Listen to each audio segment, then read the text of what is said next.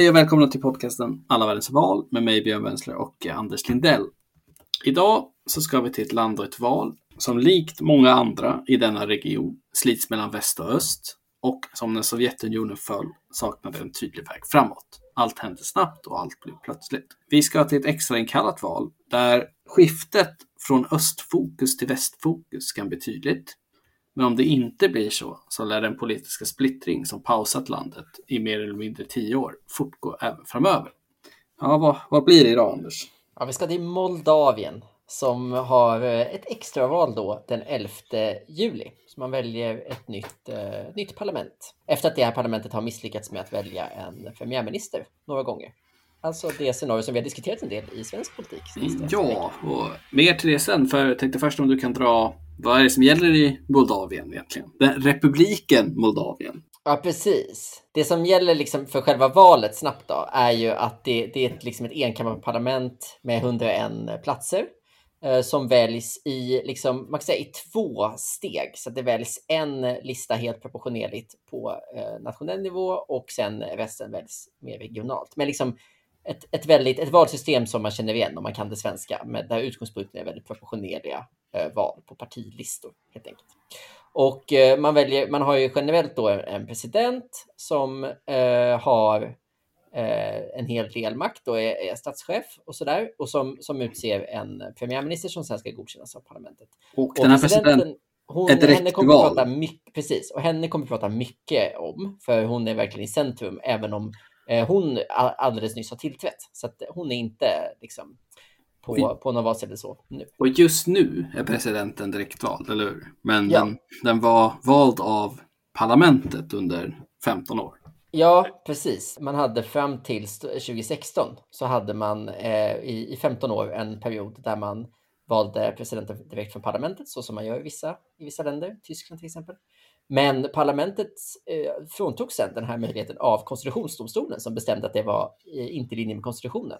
Alltså efter 15 års betänketid så gjorde man en så stor ja, de, de hoppade inte till några snabba slutsatser. De satte sig och tänkte, tog en kaffe, för det, vi är redo och vände på allting. För att min bild av det här politiska systemet är att det är det som vi har gjort podd på som kanske är svårast att förstå utifrån så här lite snabbt. Vad är det som är presidentens egentliga makt och vad är det som är parlamentets egentliga mm. makt och hur mm. funkar det? Ja, men jag skulle säga att, att det som är intressant, det som är intressant är att vi, när vi, vi brukar prata om så här, hur mycket makt har en president egentligen? Är vi semipresidentiellt eller vad gäller egentligen? Jag tror att det här är ett exempel på ett land där, som är, det är ju en semipresidentialism i sitt system. Alltså presidenten är inte regeringschef och, och, bestämmer absolut inte alls, utan presidenten representerar landet och uh, föreslår en premiärminister, men har sedan en, be, en begränsad makt på många sätt. Men just nu har man en president som har valt att liksom använda varenda verktyg i verktygslådan för att maxa sitt inflytande. Du kan kanske nämna vad hon heter direkt och berätta mm. att hon blev ju då vald i november förra året. Så att hon är ganska ja, ny på sin post. Precis. Och det, det, är hennes, det är hennes fel att vi sitter här nu. Det får man, eh, precis det kan man säga. Det, och det här är ju verkligen en, det är ju, får man säga, en profil inom europeisk politik på ett sätt. Alltså Maja Sandu heter hon. Eh, strax under 50, eh, högerpolitiker som då eh, är den mest populära presidenten någonsin i Moldaviens historia, den som har vunnit med, med flest antal röster och störst marginal. Hon eh, kommer då från, från eh, ett egentligen ganska litet parti, Action and Solidarity Party brukar man översättas på. på De heter Pass va? Ja, Pass. Uh, och hon, hon dundrade då in som president nu i november senast och det gjorde hon ett år efter att hon hade blivit avsatt av parlamentet, för hon var tidigare premiärminister.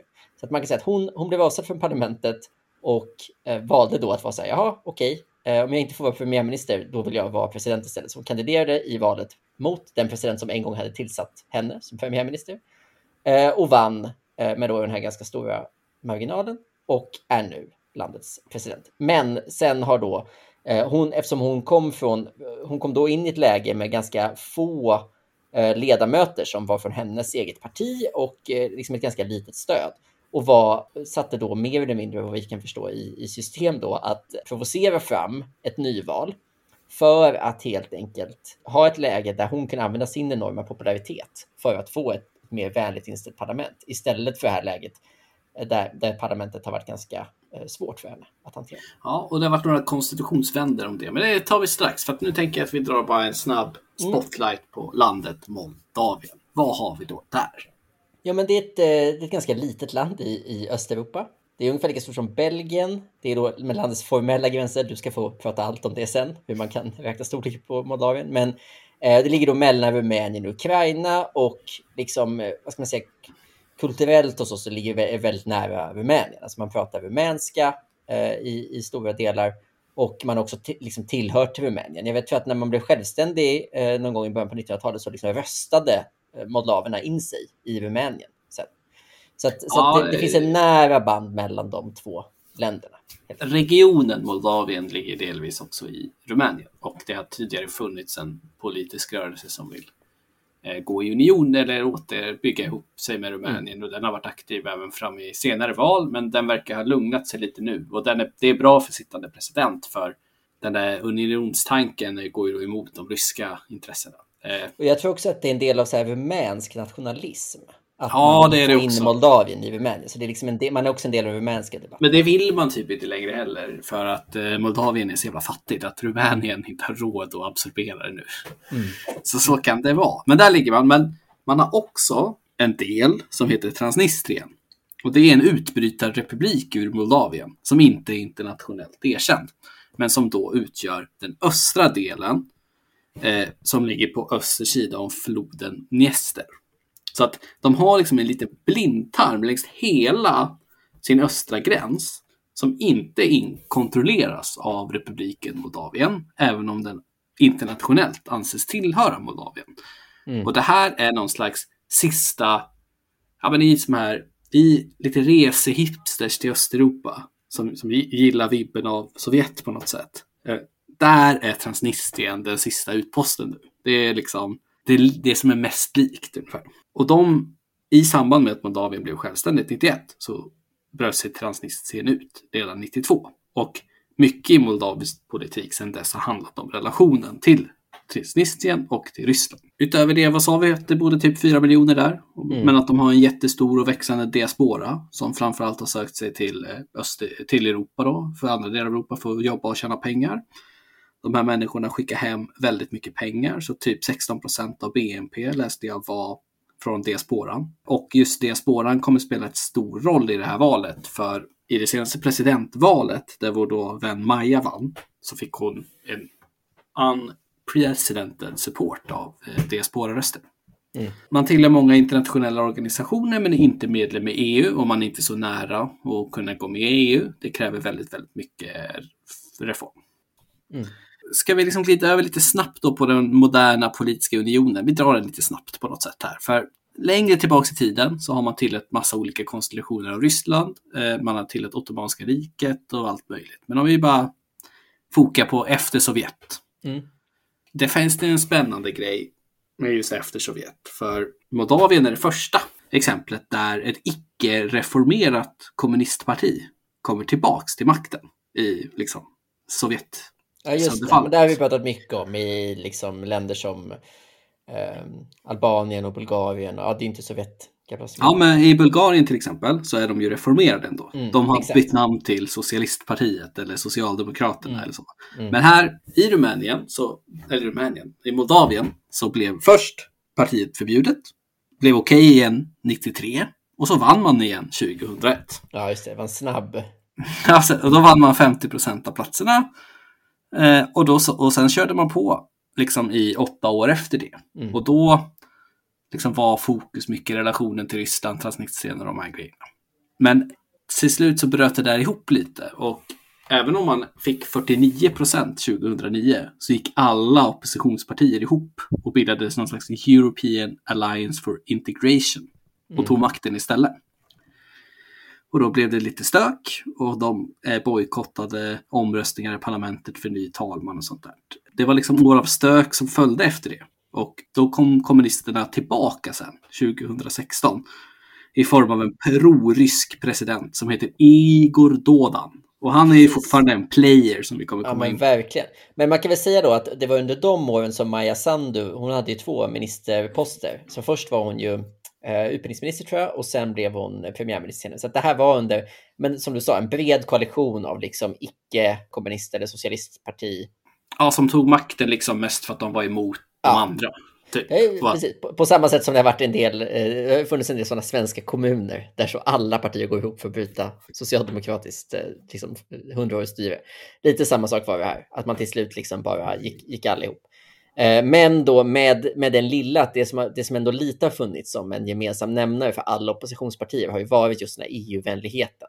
Alltså, eh, apropå det vi sa, ja, precis. Alliance for European Integration, att den, liksom, den frågan har ändå kunnat ena vänstern och högern på ett sätt. Det finns ju någon typ av metakonflikt ändå som är liksom, okay, vart ligger framtiden? Ligger den åt öster eller ligger den åt väster? Mm. Och i alla fall partierna verkar ju formera sig lite så, medan ja, vad vanligt folk tycker och tänker är väl mer komplext såklart. Mm. Om vi ska snabbspåra bara lite framåt så har det ju blivit ännu mer stök sedan dess. Ja. De har haft ett par konstitutionella, vi behöver inte gå in i detaljerna även fast de är oerhört spännande. Och som till slut då har landat fram i att Maja Sander då vann presidentvalet mot sittande Igor Doda i november 2020. Mm.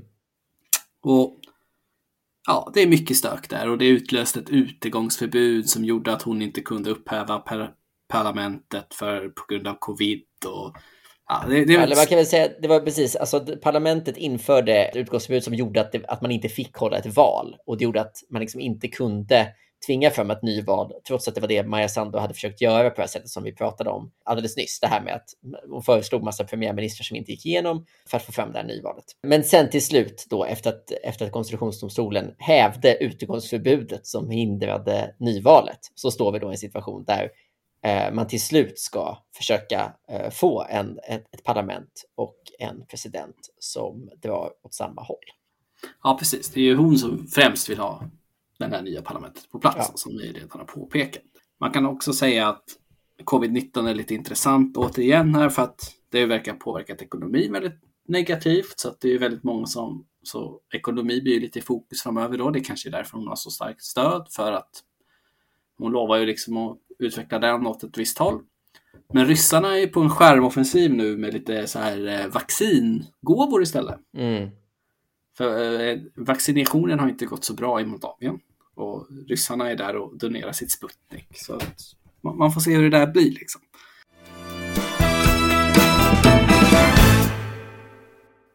Ja, om vi tittar på partierna då, Anders. Vad har vi för stora spelare? Vi har ju redan nämnt det icke-reformerade kommunistpartiet.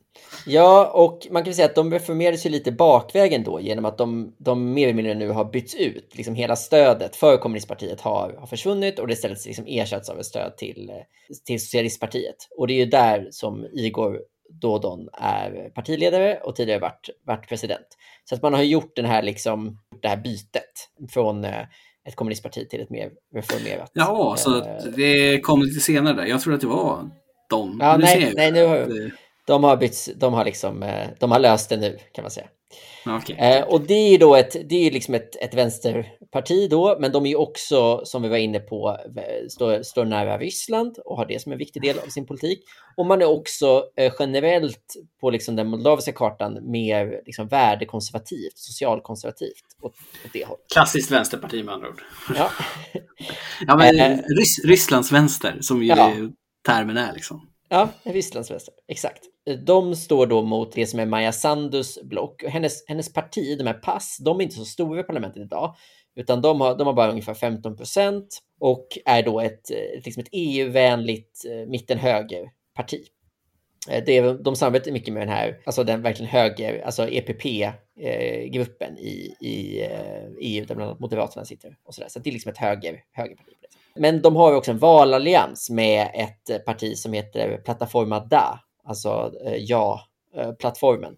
Och som på ganska många sätt, liksom ett, ja, ganska snarlikt, också eh, mer åt höger, också mer ett eh, liksom EU-vänligt parti. Jag skulle säga liksom i opinionsmätningar ser det ganska mycket ut som att de mer eller mindre försvunnit in i de här pass eh, nu. Men, men i parlamentet så är de två partier, så de utgör tillsammans liksom knappa 30 procent. Och sen så finns det i parlamentet idag också ett EU-vänligt vänsterparti som skiljer sig från, från socialistpartiet genom att vara mer EU-vänligt och lite mer liksom, liberala. De heter PDM och de hade också en av de sista, senaste premiärministrarna som heter Pavel Filip. Han är deras partiledare och sitter i, i parlamentet. Och sen så ska man säga att det fjärde, det fjärde partiet är, heter SOR och är ett eh, ytterligare ett EU-skeptiskt, ryssvänligt eh, vänsterparti som, men som verkar vara ännu mer liksom sysslar med just så här lite mer identitära, socialkonservativa frågor. Och de, har, de liksom är betydligt mindre än alla de andra, utan de har, de har kanske 8 procent. Så. så. så kan man säga. Så att trots att de har över ganska proportionella valsystemet så har de inte, de har inte därmed liksom jättemånga partier, utan man har istället, det är, det är, det är några få. Liksom. Och eh, bara för att säga någonting om liksom, det, som, det som det här valet verkligen står mellan, kan vi ju säga redan nu, är ju liksom å ena sidan den här, eller alliansen bakom Maja Sandu, den här EU-vänliga högeralliansen och den här mer Rysslandsvänliga eh, socialistpartiet. Det är ju de två som är de två stora krafterna. Liksom. Och mycket tyder väl, utan att vi går in på det jättemycket, mycket tyder på att de liksom samlas ännu, ännu mer i de två partierna just nu. Ja, precis. Det verkar ju vara ett val som har två ganska tydliga alternativ här.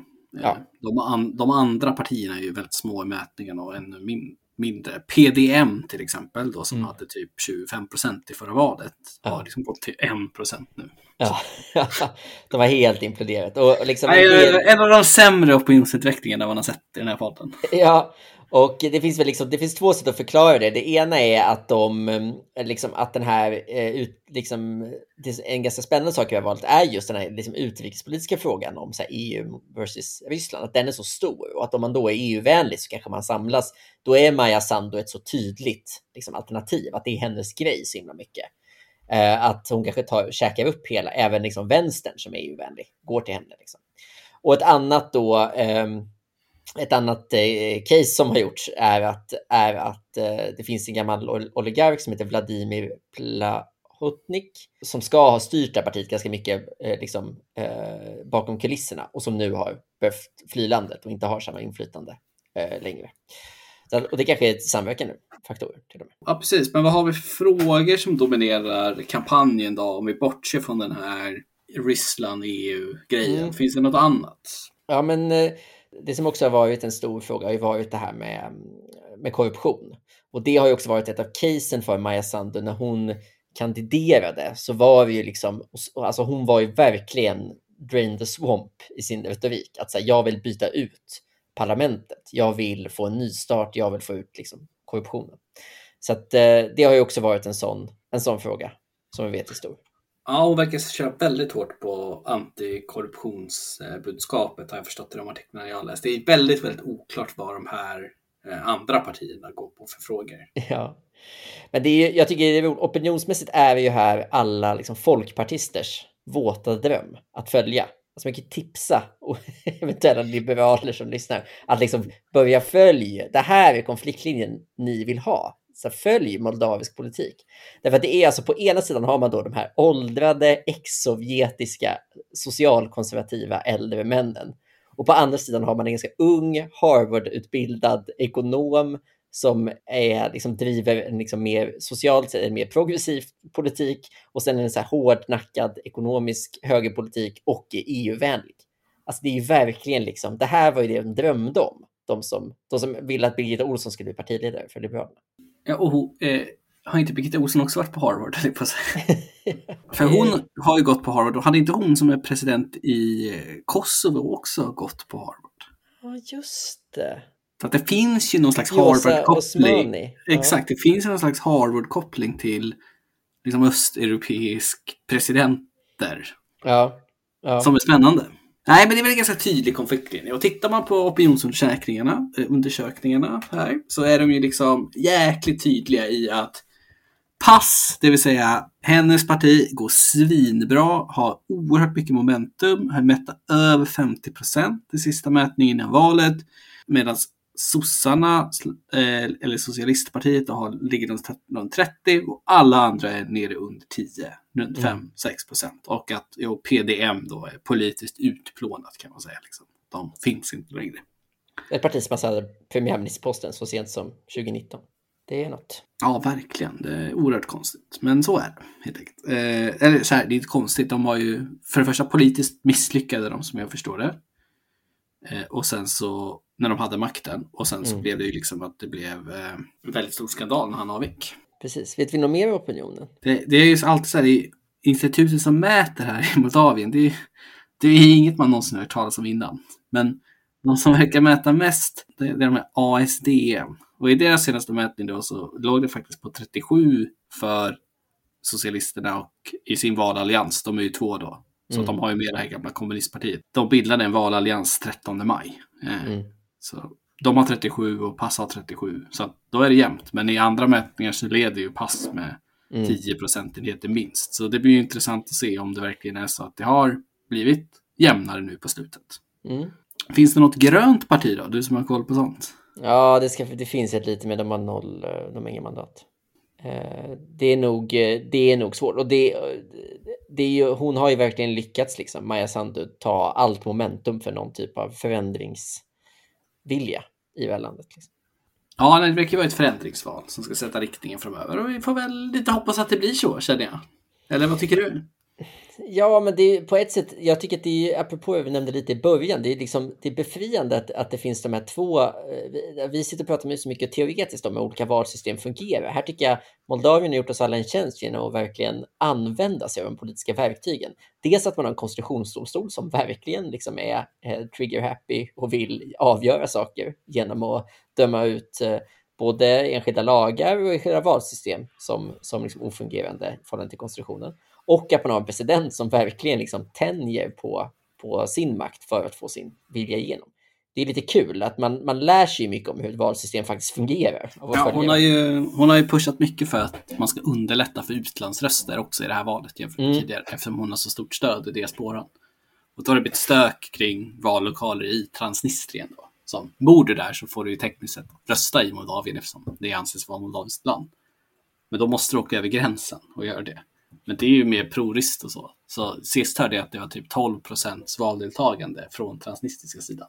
Ja. Och då röstade de ju överväldigande på det ryssvänligare partiet. Men det hjälpte ju inte alls. Och nu skulle det ju vara ett sätt för dem att få upp sitt stöd. Om de kunde locka över i alla fall 30 procent över floden. Så man får väl se. Men det blir ett spännande val i alla fall. Eh, nu på söndag då. Där vi då håller lite tubbarna ändå. För att det blir en ny start. Som, som, som de drömmande folkpartister vi innerst inne är. ja, gud vad du blir sugen på att ta ställning plötsligt. Tycker vi Ja, men jag känner det lite här. Jag tycker att eh, du, din pitch där om att det här är drömvalet, det, ja, ja, det, jag köpte den. du, du, du blev både folkpartist och Maja Sandu-supporter av den. Om ni inte kan få nog av den östeuropeiska valsmaken så återkommer vi alldeles snart med ett avsnitt om det nyinkallade extravalet i Bulgarien. Som Ja. vi, för den trogne lyssnaren, vet att vi pratade om i ett tag för bara någon månad sedan. Så att det är runda två i Bulgarien som kommer upp de kommande dagarna. Eh, på återseende till dess. Yes, vi hörs då.